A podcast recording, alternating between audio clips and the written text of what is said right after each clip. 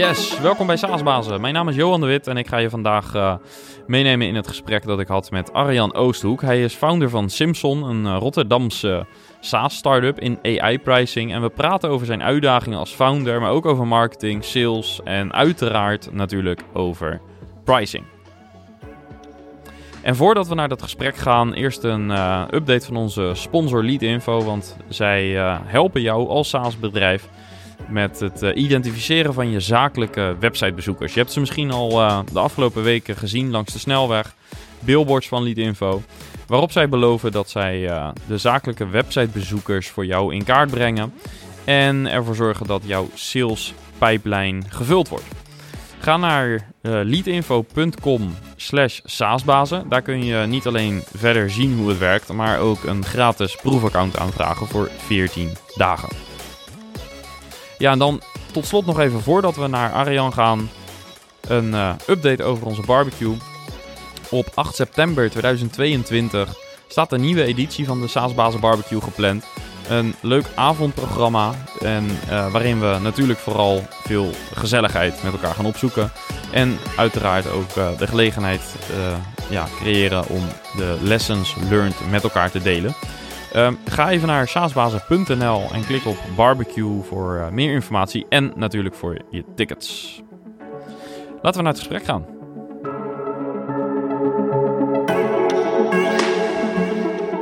Ja, Arjan, van harte welkom. Dankjewel, bedankt voor de uitnodiging. Ja, ik vind het echt superleuk dat je er bent, want wij hebben al best wel vaak contact gehad. Uh, de afgelopen jaren denk ik al wel, anderhalf jaar of zo, twee jaar. En nu in de podcast, dus cool. Een hele eer, dankjewel. Ja, en, en ook leuk dat we het vaak over sport hebben. Dat gaan we dan aan het eind van dit gesprek misschien ook nog even doen als we tijd over hebben. Want uh, er zijn wat uh, parallellen te trekken met ondernemen. Maar eerst even over de business. Um, jullie hebben een AI-pricing platform. Um, wat houdt het precies in? Simpson is een, een pricing platform. Simpson staat voor Smart Yield Management. En yield management is dat je yield, opbrengsten, kan optimaliseren. Dat doen we met ons platform waarin je, waarin je eigenlijk plug-and-play pricingstrategieën kunt implementeren. waarbij de algoritmes dat ondersteunen. Dus we hebben een negental strategieën van cost-based pricing tot competitive pricing, dynamic pricing eigenlijk de meest voorkomende prijzingsstrategieën die je met een drag-and-drop systeem zo eigenlijk kunt aanpassen, zodat het voor jouw bedrijf kan werken. En we doen dat met name voor webshops, uh, groothandelaren, uh, retail uh, en ook steeds meer merken die verkopen eigenlijk aan hun, aan hun klanten. Ja, en AI, welk component hierin is AI? Kijk, we, we kunnen er waarschijnlijk uren over hebben, maar al zouden we dat moeten samenvatten? Ja, niet alles van pricing is AI. Hè. We hebben klanten die gewoon simpel hun pricing automatiseren. Uh, maar wat AI is, is dat we vooral dynamisch prijzen. Dus dat we factoren mee kunnen nemen uh, in het model. Dus bijvoorbeeld concurrentieprijzen, seizoensgevoeligheden, uh, prijsgevoeligheid van, van bepaalde producten of bepaalde evenementen die, die van belang zijn in je markt. dat, kun je, dat kun je meenemen, zodat je al die factoren, naast je interne factoren, dus gewoon je kostprijzen, je marges en al je business rules, in één model kunt meenemen om je, om je pricing te optimaliseren. En vooral het AI-gedeelte, dat is voor echt voor bedrijven die al iets verder zijn in hun volwassenheid. Als je gewoon nu start met een webshop, zou ik adviseren om dat niet direct toe te passen. Als je wat meer data hebt na een jaar of twee, drie, dan zou je daarvoor uh, klaar moeten zijn om dat toe te kunnen passen. Ja, en ik worstel altijd een klein beetje als het gaat om AI, van wat is nou AI en wat is nou een algoritme? Um, als ik dit hoor, dan hoor ik ook een paar componenten die ik in een algoritme dus, dus zou zien, zeg maar. Dus wat is nou het verschil tussen die twee wat jou betreft en Waar maken jullie het meest gebruik van? Ja, goede vraag. Ik denk een algoritme, ja, ik denk dat er heel veel algoritmes worden ontwikkeld. Zo zijn we ook begonnen vanuit de wetenschap worden er heel veel algoritmes ontwikkeld. En dat zijn modellen die je eigenlijk traint uh, op basis van de dataset die je hebt.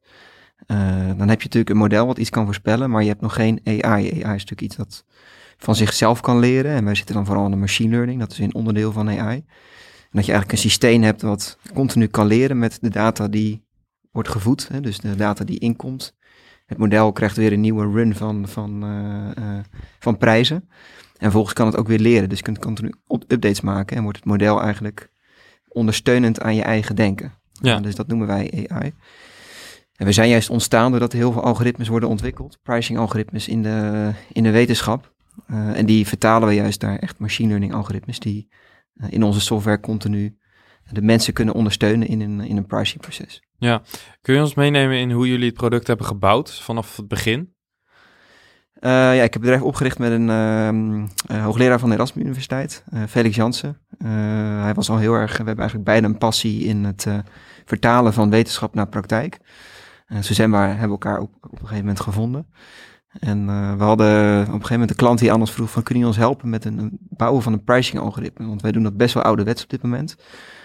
We doen het allemaal in Excelletjes. Of we hebben mensen die, salesmensen die op gut feeling gewoon een bepaalde prijs uit de vinger of uit hun duim zuigen. Ehm, dus er zit eigenlijk weinig onderbouwing in.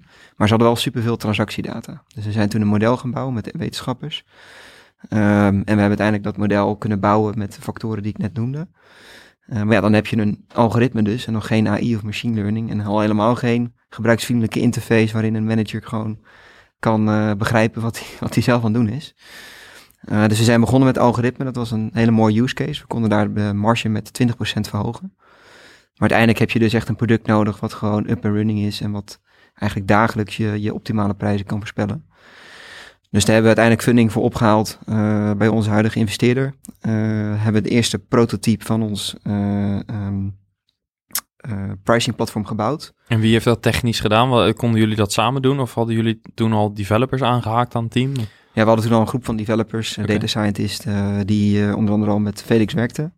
Um, dus zo hebben we dat eigenlijk gebouwd. In de loop der jaren team, team gegroeid.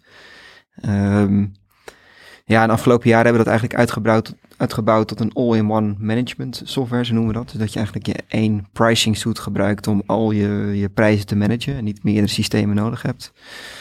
Um, waar we eigenlijk begonnen zijn echt in de groothandelswereld. En zien we nu ook wel, zeker sinds corona, dat ook veel meer markten hier behoefte aan hebben. Dus vooral e-commerce en uh, eigenlijk alle bedrijven die veel producten hebben, een groot assortiment en direct verkopen aan hun, aan hun klanten. Ja, ik zag ook wat logo's als Heineken en Rituals, dat soort uh, partijen. Hoe komen deals met die partijen tot stand voor een, een start-up? En zo? Want het is niet zo dat je die recent hebt binnengehaald. Volgens mij was dat al vrij vroeg. Dus uh, ja, hoe, hoe is dat gelukt? Uh, ja, dat is eigenlijk een soort van trucje wat ik in het verleden heb uh, uh, bedacht. toen we, want we zijn echt nog wel een sterke link met Erasmus Universiteit. toen ik begon als ondernemer, denk ik van ja, hoe ga ik nou klanten krijgen? toen dacht ik mezelf van ja, laat ik eens bijvoorbeeld dat alumni-netwerk gaan aanspreken. En van Erasmus heeft natuurlijk een fantastisch alumni-netwerk. Ja. Je ziet best wel wat CEO's, directeuren die gestudeerd hebben bij Erasmus. Dus ben ik gewoon al die CEO's gaan aanschrijven. Nou, niet iedereen reageert, maar veel corporate mensen die vinden het toch leuk om een soort van link met de wetenschap te hebben. Ja. Zo zijn we begonnen en uh, die propositie link met de wetenschap en ook nog direct de commerciële toepassing van AI. Dat sprak veel van die mensen aan binnen corporate. En toen zijn we eigenlijk ja, die namen gaan opbouwen. Uh, maar inmiddels merk je ook wel dat eigenlijk soms de kleinere bedrijven die niet heel bekend zijn, ook wel uh, misschien wel leuker zijn om als naam op je website te hebben. Omdat die vaak, ja, dit, je hebt een bepaalde denk ik, uh, het is leuk voor sommige bedrijven om die, die, die Heineken's en die Rituals als klant te hebben. Maar ik denk de, de grootste deel van je bedrijf bouw je eigenlijk met, met klanten die wat minder bekend zijn. Ja, het is wel een slimme approach. Dus dat zou wel een tekenweek kunnen zijn voor andere SaaS-bazen die luisteren om te kijken hoe je je netwerk, en in dit geval dan Erasmus-netwerk, maar het kunnen ook andere netwerken zijn, hoe je die snel kunt gebruiken om attractie te krijgen. Exact, ja. Ik denk dat over het algemeen dat soort mensen heel erg voor openstaan. Ze vonden het ook hartstikke leuk. Tenminste, de mensen die erop ingingen natuurlijk. Ja. Dus dat, uh, als je weinig, zeker toen ik net begon naar de universiteit, nul netwerk hebt, relevant netwerk voor dit soort businesses, dan kan het een mooie manier zijn om ja, direct op senior level, uh, decision maker level uh, binnen te komen. Ja, slim. Ja. kun je schetsen waar jullie vandaag staan in termen van, nou bijvoorbeeld welke landen jullie software verkopen, maar ook hoe ziet het team eruit en ga zo maar door. Ja, we zijn inmiddels, vorig jaar waren we nog vooral actief in Nederland. Uh, we hebben eind van het vorig jaar een nieuwe fundingronde gedaan. Dus ook meer resources gekregen om het team te laten groeien. Uh, dus we zijn inmiddels uh, met 23 man actief in niet alleen Nederland, maar ook inmiddels in Zweden, UK en Duitsland hebben we klanten. en zeker nu onze marketingmachine wat beter loopt, zie je ook steeds meer interesse van Amerika, maar ook Azië. We hebben nog geen klanten van binnen, maar er zitten wel deals in de pijplijn. En we zijn zelf een beetje te kijken van hoe gaan we daarmee om natuurlijk. Omdat het ook een andere cultuur is. Uh, UK, Zweden, Duitsland, dat lijkt nogal heel erg op, uh, op Nederland. Maar een andere cultuur, ja, dan kan je ook tegen hele andere uitdagingen uh, aanlopen. Bijvoorbeeld van, ja, hoe, pricing. Hè. We hebben geen idee hoe dat in Indonesië gebeurt of, of in India. Hè. Dat, is, dat is voor ons ook een ontdekkingsreis. Dus dan zou je zomaar moeten kijken van, nou, moet je daarvoor je product aanpassen of je proces. Dus ja. Dat, daar zijn we nog wel mee bezig, maar we laten ons eigenlijk een beetje op ons aflopen. We hebben geen harde focus op een bepaald land. Uh, we merken nu gewoon wat op ons afkomt. Ja, dat pakken we beter. En als het wat minder goede match is, dan, uh, dan laten, we, laten we hem lopen. Um, maar we zijn inmiddels uh, andere landen buiten Nederland. daar hebben we inmiddels klanten bij. Ja, je zei al de marketingmachine. Kan je een beetje schetsen hoe die eruit ziet en ook hoe je daar bent gekomen? Zeg maar. Dus wat heb, heeft ervoor gezorgd dat jullie een marketingmachine hebben aangekregen?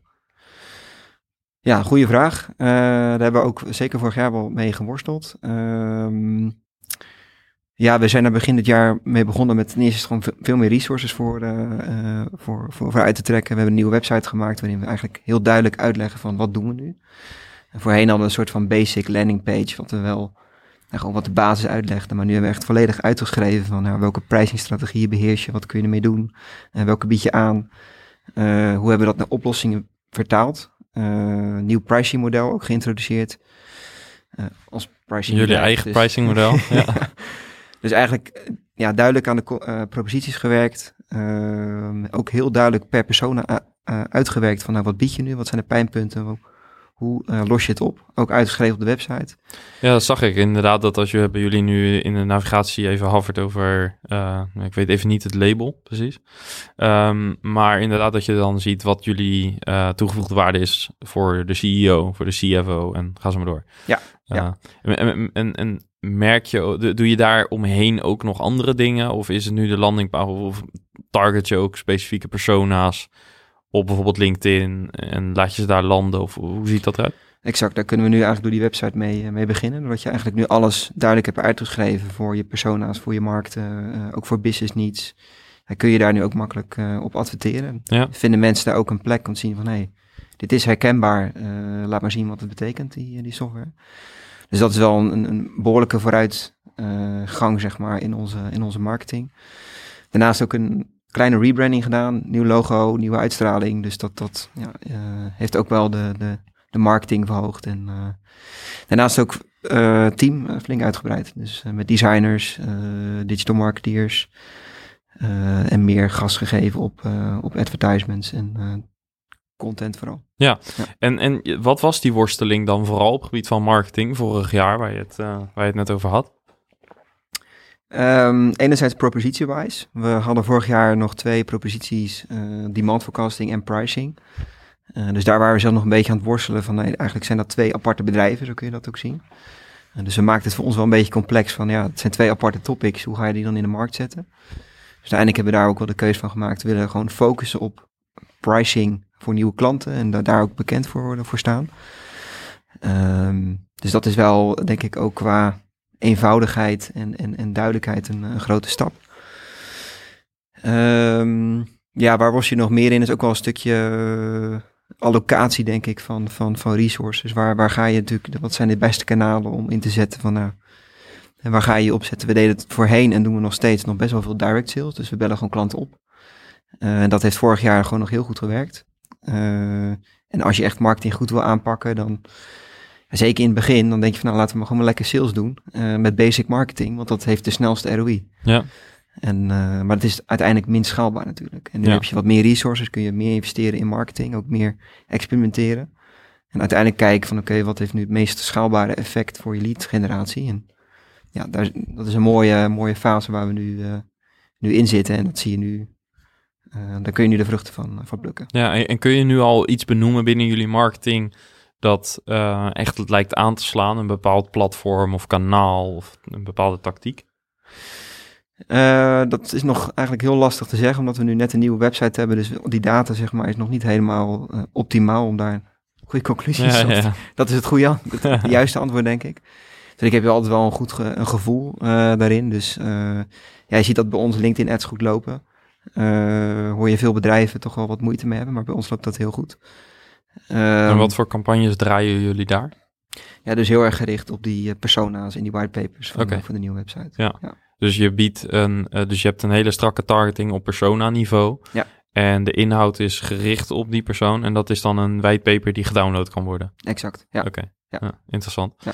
En jullie kunnen daar een redelijke kost per lead uh, scoren. Want dat is vaak een beetje het nadeel wat ik vaak ook wel om me heen zie bij uh, SaaS-bedrijven die op LinkedIn gaan adverteren. Op zich is leads genereren niet het grootste issue, maar het is vaak de kosten die je daar aan uh, kwijt bent. Ja, klopt. Dus de, als je het helemaal terugrekent van wat zijn nu de acquisitiekosten, met alle kosten daaromheen, dan, dan zie je wel dat het,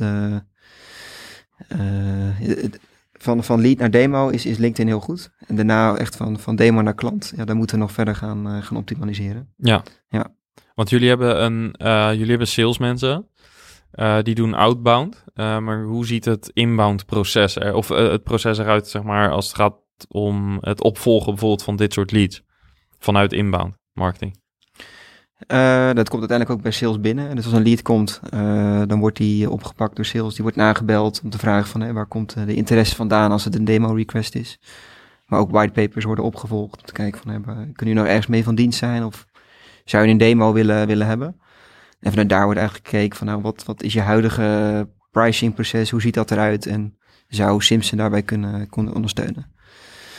Um, dus... En, wat is een beetje het vertrekpunt voor veel bedrijven die bij jullie aankloppen? Zijn dat dan bedrijven die al wel pricing software hebben, maar nog niet zo geavanceerd? Of uh, werken ze nog vaak in Excel? Ik, ik, zag op de website een aantal keer de term Excel voorbij komen, gut feeling. Ja. Is dat zeg maar een beetje de status quo? Of wat tref je aan meestal?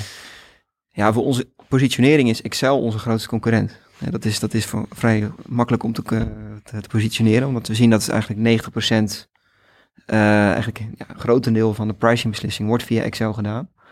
Um, en om dat te benoemen, ja, krijgen mensen onze doelgroep gelijk al van, oh ja, dat is eigenlijk wel heel erg lastig Excel, want beperkt in hoeveelheid data, je kunt een aantal formules doen, maar als je echt intelligentie wil toepassen, ja, dan moet je gewoon een goed systeem hebben, slimme software. Dus natuurlijk zijn er andere pricing software, maar we zien Excel nog steeds als onze grote concurrent, omdat ja. het vertrekpunt van een klant is van of we doen het nu met Excel. Als je een redelijke pricing manager hebt die zijn assortiment beheerst. Um, of, of helemaal niks, of er is een ERP die standaard calculaties maakt, of bijvoorbeeld een price scraper die concurrentieprijzen voor zich binnenhaalt. Maar er is vaak niet één systeem waarin ze gewoon direct kunnen koppelen met oké, wat komt er binnen aan kostprijzen of aan allerlei factoren die van belang zijn hoe updaten we dat naar onze verkoopprijs en hoe koppelen we dat vervolgens weer terug naar ons ERP of, of de webshop. Ja. Uh, en dat proces wordt nu nog vaak gemanaged in Excel. Uh, ondersteund met heel veel expertkennis, uh, heel veel gut feeling en dat eigenlijk tezamen ondervangen wij in, in onze software. Ja, nu zie je vaak bij uh, SaaS-oplossingen die een klein beetje de, de enemy Excel hebben dat op het moment dat ze het product willen gaan verkopen of gaan implementeren bij dat soort bedrijven, dat je op een bepaalde behoefte stuit, zeg maar, het gaat om consultancy. Dus ik wil wel die tool gaan gebruiken, maar ja, ik wil ook advies hebben over hoe onze prijzingsstrategie er dan zou moeten uitzien. Waar leggen jullie de grens in consultancy of professional services? Uh, en hoe hebben jullie dat onboarding bijvoorbeeld, uh, die onboarding proces ingericht? Ja, ja, ik denk dat het een typisch uh, B2B SaaS uh, vraagstuk is. Zeker ook als je begint, zeg maar, dus echt onze start-up fase. Ja, dan probeer je altijd natuurlijk over te deliveren. En dan zit er vaak een stuk consultie bij wat je niet kunt automatiseren. Dat is nu nog steeds zo. We dachten van, nou, dat op een gegeven moment kan je dat automatiseren. Maar dat is eigenlijk nog, nog niet het geval. Um, en pricing is vaak ook wel, dat is natuurlijk vaak de core van de organisatie. Dus mensen vinden het heel belangrijk om daarover te praten. En ook een, een eigen zegje erover te doen. Dus je merkt ook wel, je wil een beetje voorkomen dat je in een soort van change management ja. rol komt. Dus daar, daar blijven we sowieso uit. Onze consultie is nu al redelijk afgebakend van, uh, je, hebt, je hebt het prijsproces, dat wil je automatiseren. Dus dat, doen we dan netjes in de software bij de onboarding. Maar vaak komen daar weer nieuwe vragen bij van, hey, uh, een business rule, kan ik dat ook, kan ik daar ook rekening mee houden? Of um, allemaal van dat soort vragen, maar ook datagerichte consultancy. Dus ik denk, we hebben eigenlijk twee typen consultancy. Enerzijds consultancy om je data op orde te maken. Dus hoe kun je die koppelen aan ons systeem met onze API's? Of hoe kun je die van bepaalde kwaliteit voorzien dat het gewoon uh, uh, van, van een goede kwaliteit is, een goede omvang. En daar hebben we ook wel partners voor, dus dat kunnen we uitbesteden. Oké. Okay. Uh, maar het pricing stuk aan zich, daar worstelen we vaak nog wel mee. Um, op dit moment leggen we dan de grens eigenlijk van um, ja, als mensen bijvoorbeeld een fundamenteel heel andere kijk willen hebben op een pricing. Dus waar bijvoorbeeld nu, waar ze vooral rekening houden met hun kosten om een prijs te bepalen en eigenlijk veel meer willen gaan denken van oké, wat is nu de waarde per klant die we toevoegen en hoe ga je daar dan, eh, hoe ga je daar een heel ander model voor verzinnen? Ja, dan kom je een beetje op bijvoorbeeld conjoint-achtige, ik weet niet of je daar bekend mee bent, maar conjoint-achtige methodieken. Heel veel gericht op market research, ja, dat, Ja. dat doen wij niet. We zijn wel op zoek naar partners en we denken nu ook wel een goede partner daarvoor gevonden te hebben. Maar daar trekken wij echt, eh, echt de grens. Eh, En, en dat advies wat je wel doet, zeg maar bijvoorbeeld tijdens die onboarding, is dat betaald of is dat een gratis dienst die aan de license hangt? Inmiddels is dat betaald. We verkopen gewoon standaard nu 20 uur consultancy mee. Eh, Altijd? Ja, Oké. omdat we wel zien dat klanten komen eigenlijk continu met, met vragen eigenlijk, ja, die eigenlijk al onder consultancy vallen. Ja, en, nou, die die 20 consultancy kun je vaak wel een eind komen, zeg maar. Dus Ja. mocht het dan op zijn, kun je altijd nog kijken van, hey, wil ik daar optioneel iets, iets bij plussen of, eh, of is het genoeg? Maar onze ervaring is toch wel dat als je mee start, een klant ziet vaak niet wat, waar die aan begint. Ondanks dat hij best wel wat, wat eh, kennis heeft over pricing, zie je vaak dat er nieuwe vragen opkomen. Is het maar gewoon even een, een workshop. Dat zijn wel uren zeg maar die we er dan bij verkopen als, Ja. eh, als consultancy. Ja, in dit geval is het misschien ook wel logisch en, en, en niet zo heel erg lastig om dat erbij te verkopen, omdat men eigenlijk die vragen heeft en men al verwacht dat er consultancy bij zit. Er zijn ook SaaS-producten waarbij je een paar tientjes per maand betaalt en dan heel veel consultancy erbij krijgt, wat je misschien eigenlijk niet wil. Dus dat is een lastige positie. Dus ik kan me voorstellen dat in jullie geval eigenlijk een vrij logisch, eh, logische add-on eigenlijk bijna is op eh, gewoon de fee die ze per maand betalen. Per jaar. Exact, ja. Ja. en over het algemeen zijn onze klanten echt wel bereid flink te investeren in hun pricing, omdat het Ja. de core is van de organisatie. Als je dit goed geregeld hebt en uh, nou, meestal van onze klanten draaien ergens tussen 10 en 100 miljoen. Dus als je dit goed geregeld hebt, dan is de business case ook uh, een paar maanden als het Ja. ware. Dus dan, dan moet je gewoon in die paar maanden, als je het goed regelt, dan zie je daar ook snel het rendement van. Ja, en goed hard te maken. Ja. Ehm, wa- waar, ik vanuit marketing wel nieuwsgierig naar ben, is... ehm, nou, als je zo'n business case maakt en je zegt op een gegeven moment... nou, we hebben tien klanten en wij kunnen wel echt aannemelijk maken... dat gemiddeld genomen een klant zoveel procent eh, meer marge gaat maken bijvoorbeeld... dan kun je best wel een, een overtuigend verhaal denk neerzetten... als je dat kunt onderbouwen met wat slides bijvoorbeeld. Uh, aan de andere kant weten we ook als marketeers en als founders... dat mensen best wel emotionele beslissingen nemen. Hoe pakken jullie, hoe spelen jullie daarop in? Spelen jullie daarop in? Op ja, welke richting kiezen jullie dan in bijvoorbeeld jullie boodschap? Uh, tot nu toe kiezen we wel echt meer de emotionele approach. Dus vooral focus op het verhaal. Hè. De, de Excels van dat het eigenlijk als pricing manager, als je die hebt, of als ondernemer, als je nog geen pricing manager hebt, eigenlijk een soort van rompslomp is om al die prijzen te gaan updaten. En ook wel gewoon uh, intellectueel een uitdaging is om al die factoren rekening mee te houden. Dus vooral de, de pijn, daar focussen we heel erg uh, op in, in, in onze marketing. Uh, en natuurlijk, die marge, je ziet ook bij onze klanten, die marge is mooi meegenomen. Uiteindelijk is dat ook het doel. Maar de eerste stap en de eerste reden om het te doen is vaak toch wel automatisering. Gewoon, uh, ik wil een bepaalde logica, uh, wil ik geautomatiseerd zien. Uh, en als dat, weet je wel, goed loopt, dan wil ik gaan kijken naar mijn margeoptimalisatie. Ja. Dus vaak de eerste stap is toch wel dat ze eigenlijk emotioneel het gevoel hebben van, oké, okay, ik wil het anders organiseren. Ja, gewoon, ik wil af van het gezeik, Ja. even plat gezegd. Exact, Ja, exact. ja. ja. Ah, interessant. Ja. Oké, ja, ik kan me voorstellen dat het ook een beetje verleidelijk is soms om uh, dan heel erg uh, te gaan bewijzen hè, dat, je, dat je een hele goede business case hebt. Want dat is in jullie geval natuurlijk fijn uh, dat dat kan. Want ja, in deze podcast spreek ik ook heel veel SaaS-bazen die een product hebben waar je niet zo meetbaar direct altijd het resultaat van krijgt. Ehm, dan is het vaak indirect. Uiteraard, we zitten in tijdwinst, maar dat zegt ieder SaaS-product. Bij jullie kan ik me voorstellen dat die verleiding soms groot is. Maar... Uiteindelijk is tijdwinst ook een hele belangrijke factor om uh, ons product te gebruiken. Uh, maar je wil ook wel rendement zien. Hè? Dus het is tweeledig. Ja. Dus en tijdwinst uh, um, en natuurlijk margeverbeteringen. Vaak ook wel een stuk kennisborging. Zeker bij grotere organisaties zie je toch wel dat één persoon die, die prijzen managt. Ja. En nou ja, die persoon, hè, kan natuurlijk wat mee gebeuren, alle respect. Maar uh, als daar wat mee gebeurt, dan heb je wel een probleem als dat allemaal in zijn hoofd zit. Ja. Dus het vaak gewoon vanuit een soort van risicomanagement is het ook een uh, belangrijk argument om uh, onze software te gebruiken. Ja.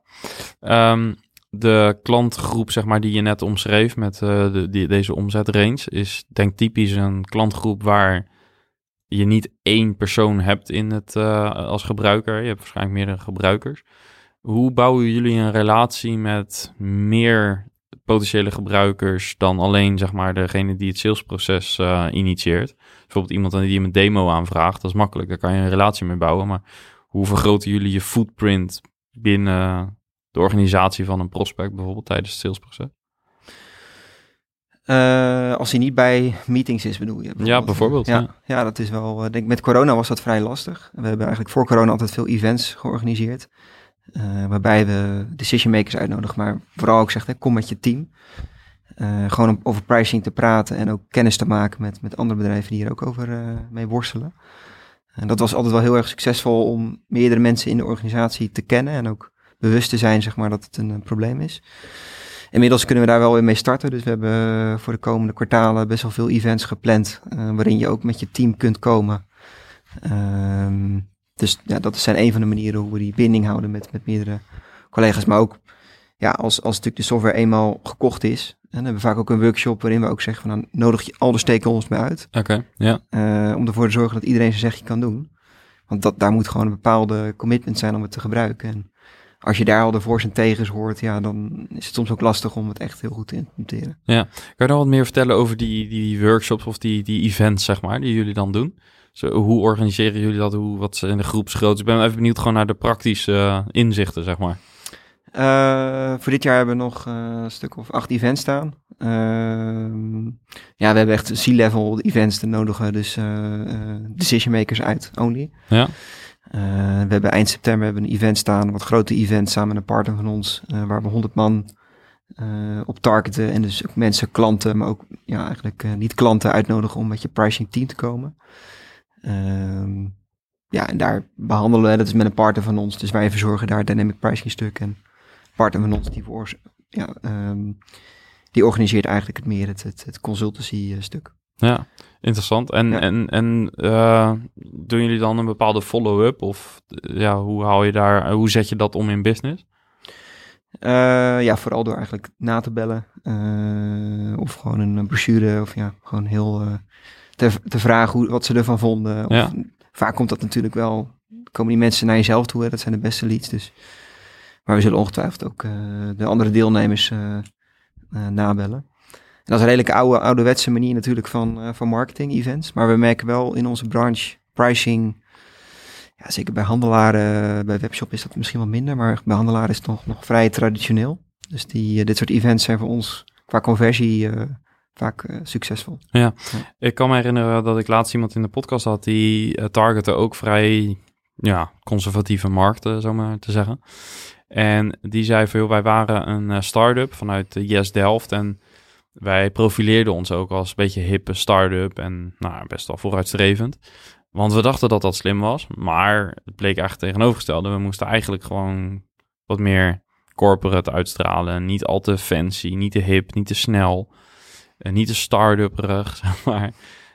Um, speelt het bij jullie ook nog een rol dat je enerzijds te maken hebt met sommige klantgroepen die conservatief zijn en aan de andere kant zeggen jullie AI. En als ik op jullie website kijk, dan zie ik wel een aantal dingen waarvan ik denk van hey, uh, enable hyperlearning. Ja.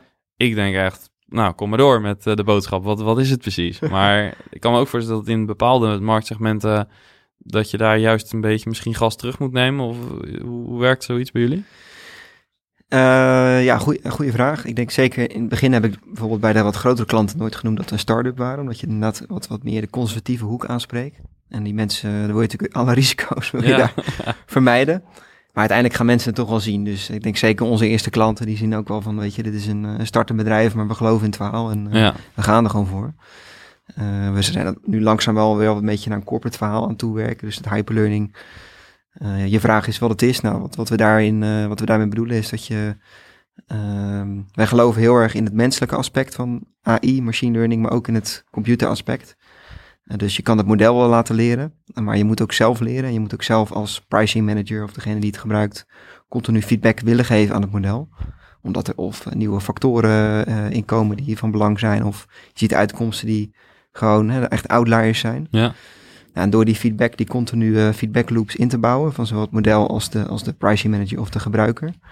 Uh, dat noemen we hyperlearning en daar geloven wij heel erg in. Dat heeft ook eigenlijk de, ja, onze wetenschapper, uh, daar komt het concept ook vandaan. we hebben het inmiddels ook getrademarkt, hyperlearning. Um, ja, je ziet toch wel dat het, het, het narratief, of een paar jaar geleden, machine learning, AI, toch wel werd gedacht van nou, dat gaat de mensen vervangen of heel veel taken. Maar wij geloven toch wel van, het gaat je juist enorm supporten als je het op de juiste manier gebruikt. Dus hè, soms denk ik van nou, we laten alle prijzen laten automatisch verlopen en we kunnen zelf met onze handen over elkaar zitten. Dat, dat kan ook natuurlijk als je gewoon automatiseert. Maar wil je echt AI gaan toepassen en jouw denkproces gaan simuleren en ook laten triggeren, dan moet je ook zelf actief feedback geven aan het model. En dat zul je continu moeten doen, want de wereld verandert. Uh, daardoor verandert ook je data. Dus is het een continu leerproces van zowel het model, de organisatie als de expert. En dat noemen we hyperlearning. Ja. En nog een extra learning is dat we natuurlijk ook samenwerken met universiteiten. Dus we bridgen ook die cap tussen uh, universiteiten en, en practice. Dus dat is nog een extra learning loop die we, die we toevoegen. Tof. Het viel me inderdaad op als ik naar jullie website kijk, met name de About Us page en zo. En ik kijk een beetje naar de missie. Dan is dat wat meer, zeg maar, de overkoepelende boodschap in plaats van pricing optimalisatie. Exact. Ja, en dat zeker bij bedrijven die wat, wat, wat groter zijn, spreekt dat enorm aan. Omdat je daar een groep hebt die, uh, kijk, als je één ondernemer hebt, bijvoorbeeld ook wat kleinere webshops, ja, die, zullen, die kennis die blijft altijd voornamelijk in hun hoofd zitten. Maar als je een grotere organisatie hebt, is het heel belangrijk dat je die kennis goed behoort. Ja. Enerzijds in het model, maar ook in de organisatie. En daar spreekt dat hyperlearning enorm aan, omdat het gewoon heel erg herkenbaar is voor sommige mensen die kennis gewoon afbakenen en, en ja, dat, dat, dat krijg je met zo'n systeem, dan krijg je niet het maximale potentieel. Nee. We wilden het ook nog even hebben over jouw rol binnen het bedrijf. En uh, je vertelde eerder in het gesprek dat jullie investering hebben opgehaald. En een van de uh, veranderingen die dat ook teweegbracht was een groter team, maar ook dus een rechterhand voor jou. Uh, kun je vertellen hoe dat proces is gegaan? Um, ja, ik, ben dus, ik heb het bedrijf opgericht met een, uh, met een professor. Dat is eigenlijk de, de start-up fase geweest. Uh, heel veel dingen uitgedacht, concepten, businessmodel. En eigenlijk sinds 1 januari zitten we in een nieuwe fase, echt scale-up fase. Uh, dus vanuit onze investeerders werd ik ook geïntroduceerd aan een persoon die dat vaker heeft gedaan, die ervaring heeft om zeg maar ja, je omzet te schalen van het moment waar we vorig jaar waren tot, tot een bepaalde grootte. Uh, zo zijn wij in gesprek gegaan. Het was een hele goede match. En eigenlijk zijn we nu samen het bedrijf gaan, uh, gaan bouwen. Waarbij we eigenlijk elkaar heel veel vrijheid geven. Dus hij focust vooral op het commerciële stuk. Hij pakt nog ook een stuk uh, techniek erbij. En ik focus nu vooral op het marketingstuk. Samen zijn we nu wel de onboarding aan het optimaliseren. maar het werkt heel erg fijn omdat je eigenlijk direct het vertrouwen hebt. En ja, we zijn allemaal professionals, dus we weten wat we moeten doen. Hoe, hoe was deze stap voor jou om uh, zeg maar van start-up naar scale-up te gaan, zoals je het zelf omschrijft. Uh, om een nieuwe ronde op te halen en andere teamdynamiek. Dat zijn best wel veel uh, veranderingen. Hoe heb je dat persoonlijk ervaren? Ja, dat was voor mij wel een hele aparte ervaring. Ik heb wel echt van genoten. Maar ik was wel zoekende van, oké, wat ondergaat me allemaal? Want ik was denk ik van vorig jaar heel veel dingen aan doen. Heel veel dingen die niet programmeerbaar zijn, hè, dus niet technisch. Wat je vooral zelf moet oppakken. En inmiddels als je team uh, groeit, uh, dus hebben veel mensen op marketing aangenomen, veel mensen, uh, nou Vincent dan is de co-founder, neemt ook veel mensen op sales aan. Ja, zie je dat je eerste drie maanden eigenlijk alleen maar bezig bent met kennisoverdracht, mensen inwerken, dingen opzetten. waarbij je eigenlijk voorheen heel veel taken zelf deed en nu heel veel delegeert. Dan denk je van ja, wat moet ik dan nog zelf gaan doen, weet je wel. Dus, um, en wat is het antwoord daarop? Nou ja, tot nu toe blijft dat natuurlijk in vooral uh, opzetten, processen opzetten, verbeteren, uh, kennis overdragen. Dat blijft natuurlijk wel een belangrijke rol. Uh, maar ook verder natuurlijk de business ontwikkelen en processen gaan, gaan optimaliseren. Um, maar ja, je ontkomt er niet ook dat je natuurlijk vaak ook operationeel meewerkt in, in het team om bepaalde dingen of content dingen gedaan te krijgen. dus je kunt natuurlijk veel meer meters maken en dat is natuurlijk hartstikke fijn. Uh, en inmiddels, ja, nu staat die organisatie voor, uh, voor een groot deel. En ik denk dat we hiermee wel uh, in ieder geval het komende half jaar flinke stappen kunnen, kunnen zetten. Ja. ook hebben we het gehad over sport. welke rol speelt sport voor jou in je ondernemerschap? ja, essentieel eigenlijk. ik heb een achtergrond als, als wielrenner.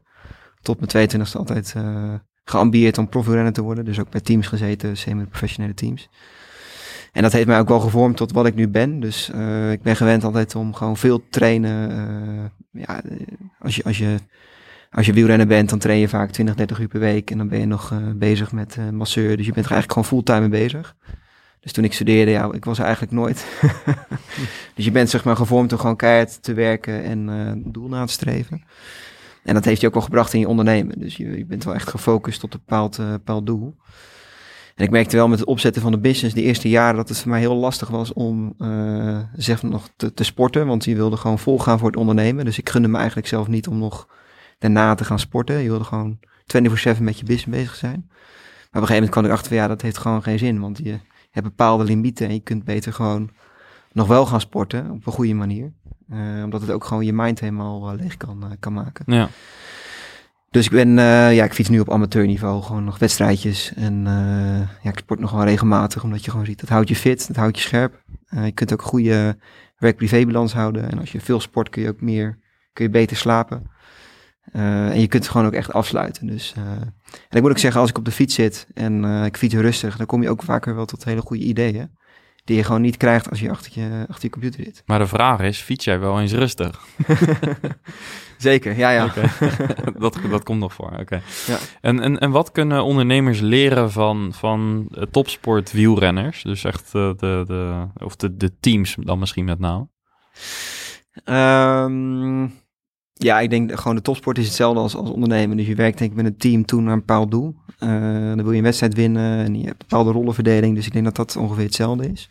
Dus qua teamdynamiek is ik denk dat dat heel erg overeenkomt. Um, ja, qua persoonlijke ervaring denk ik dat je ook... Ja, je leert uithoudingsvermogen. Ik denk dat dat voor ondernemen, het zit vaak tegen. Dus het zit natuurlijk ook vaak mee, maar het kan veel vaker tegen zitten. Uh, en ondernemen, of uh, topsport ook, het doet vaak pijn, maar je moet gewoon door. En uh, ook al is die wedstrijd 200 kilometer, ja, de finish ligt na 200 kilometer. En ook al heb je na 50 kilometer pijn, je moet, je moet gewoon door.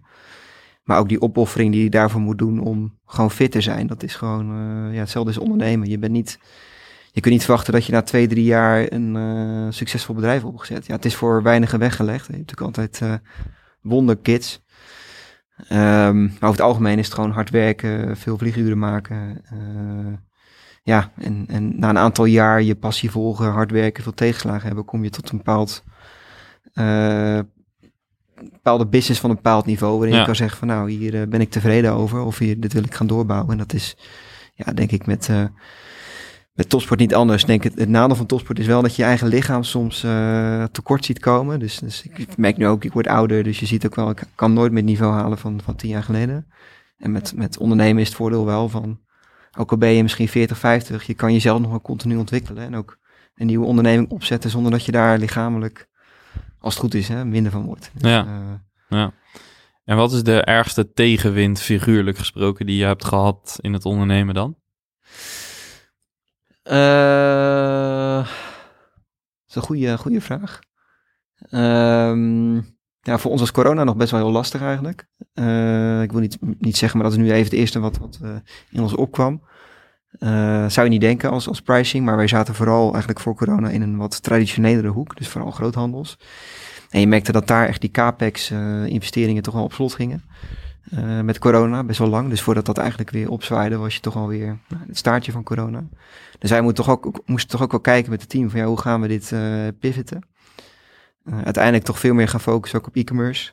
omdat daar gewoon die, die business goed, goed draaide, die sector. Ja, ja die, die, ging wel door, ja.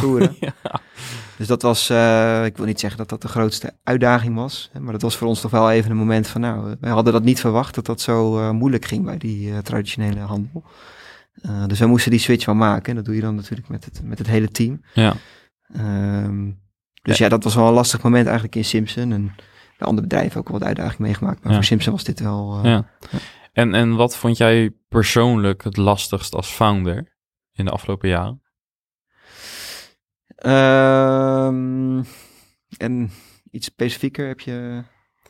Nou, ik kan me voorstellen, dus ik, ik stel deze vraag vaker en, en um, wordt uiteraard wisselend op gereageerd, omdat iedereen zijn of haar eigen uitdagingen heeft.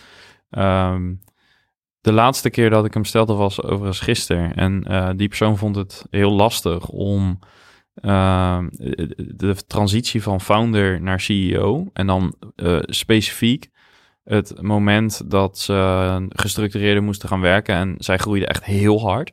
Dus zij hadden eigenlijk in een jaar tijd hadden zij een totaal andere organisatie. Uh, hij is een behoorlijke pionier. Eh, en ja, dat pionierschap, dat kwam er helemaal niet meer, in, niet meer uit de verf, zeg maar.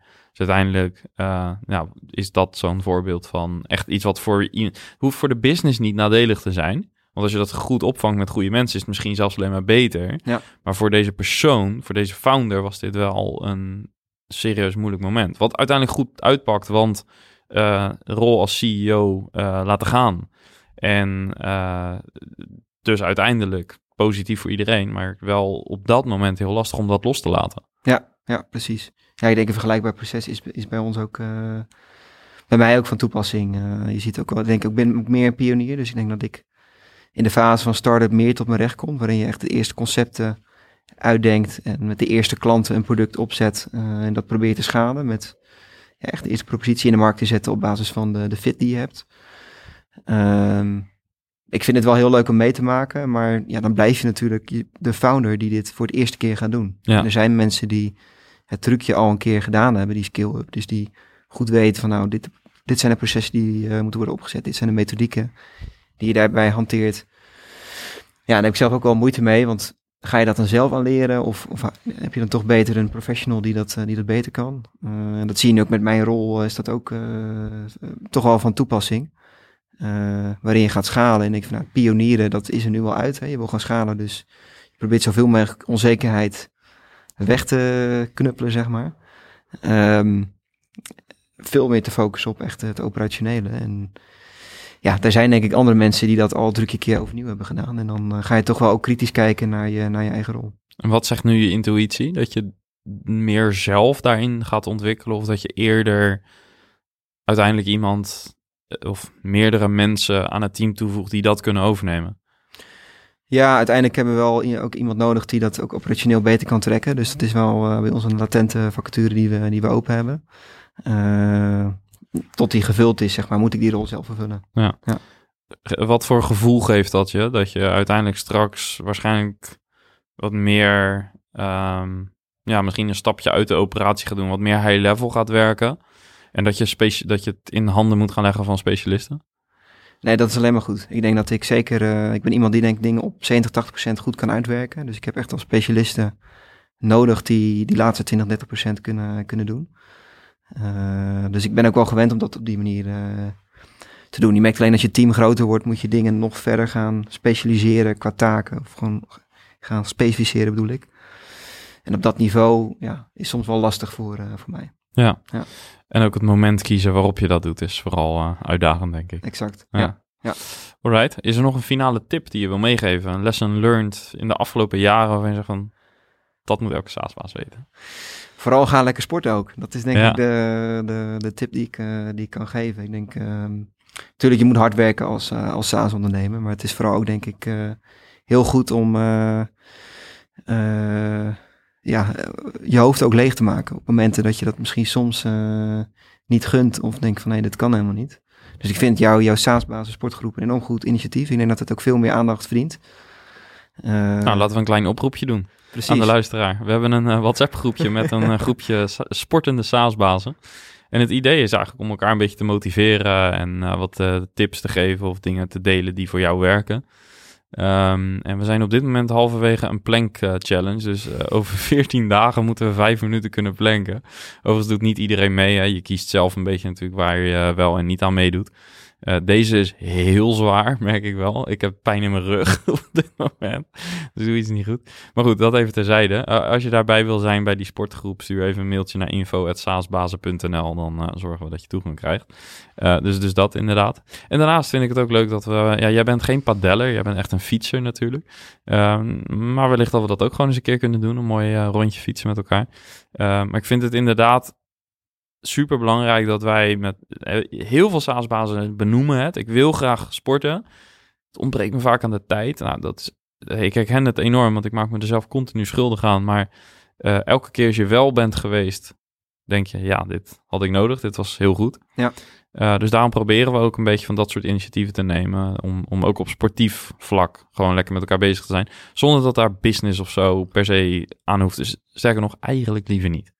Nee, met, met, met SaaS-basis is dat niet. Uh, maar je ziet ook, met, bijvoorbeeld met fietsen noemen ze ook wel eens nieuwe golf. Hè? Dus het golf is natuurlijk heel erg traditioneel. Van, gaan we een netwerkclub, gaan we golven. Ja, fiets is natuurlijk redelijk uh, laagdrempelig. Je stapt op de fiets. Kijk, ik denk dat het voor ons niet uitmaakt wat voor fiets. Maar je gaat gewoon een uurtje met elkaar fietsen. En je kan ook...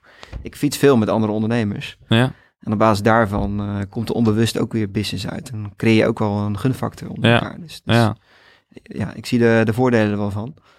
Eh, en we hebben ook in Rotterdam een eh, fietsende ondernemersclubje. Dus, eh, Nou, je mag even reclame maken. hoe heet het en hoe kunnen mensen zich aanmelden? Nee, dat heet, het is een beetje wat, wat, wat passief op dit moment. Dus onder de radar actief. Maar het is Rotterdam, eh, eh, Business Club Rotterdam. Oké. Nee, niet Business, Business Peloton Rotterdam Oké. het. Laten we het zo afspreken. Als mensen meer info willen, moeten ze jou even toevoegen op LinkedIn. Zullen we het zo doen? Is goed. Ja. Oké, top. Alright. Onwijs bedankt voor vandaag. Leuk. Tof dat je er was. ja, leuk om hier te zijn. Yes, dankjewel. Yes, en tot zover mijn eh, gesprek met Arjan. Ik hoop dat het eh, interessant was voor je en dat je er eh, dingen kunt, uit kunt halen voor jouw SaaS-business. Heb je suggesties of wil je met ons in contact komen? Stuur even een mailtje naar info.saasbazen.nl en laat een review achter in de podcast-speler die jij gebruikt. Dat helpt ons weer om andere mensen te bereiken. En natuurlijk vinden we het te gek als je als luisteraar, als SaaS-baas, lid wordt van onze community. Dat kan voor 300 euro per jaar. Daarmee krijg je toegang tot al onze online eh, sessies, al onze online meetups. Elke twee weken is er bijvoorbeeld de SaaS Bazen Meetup. Met eh, elke twee weken een, eh, een specifiek thema. Daar kun je onbeperkt bij zijn, eventueel met mensen uit je team. En daarnaast krijg je korting op onze events. Waaronder bijvoorbeeld korting op het barbecue ticket voor 8 september. Goed, ehm, hou onze website eh, dus in de gaten voor eh, andere events. En eh, voor nu weer bedankt voor het luisteren. Tot volgende week. Ciao.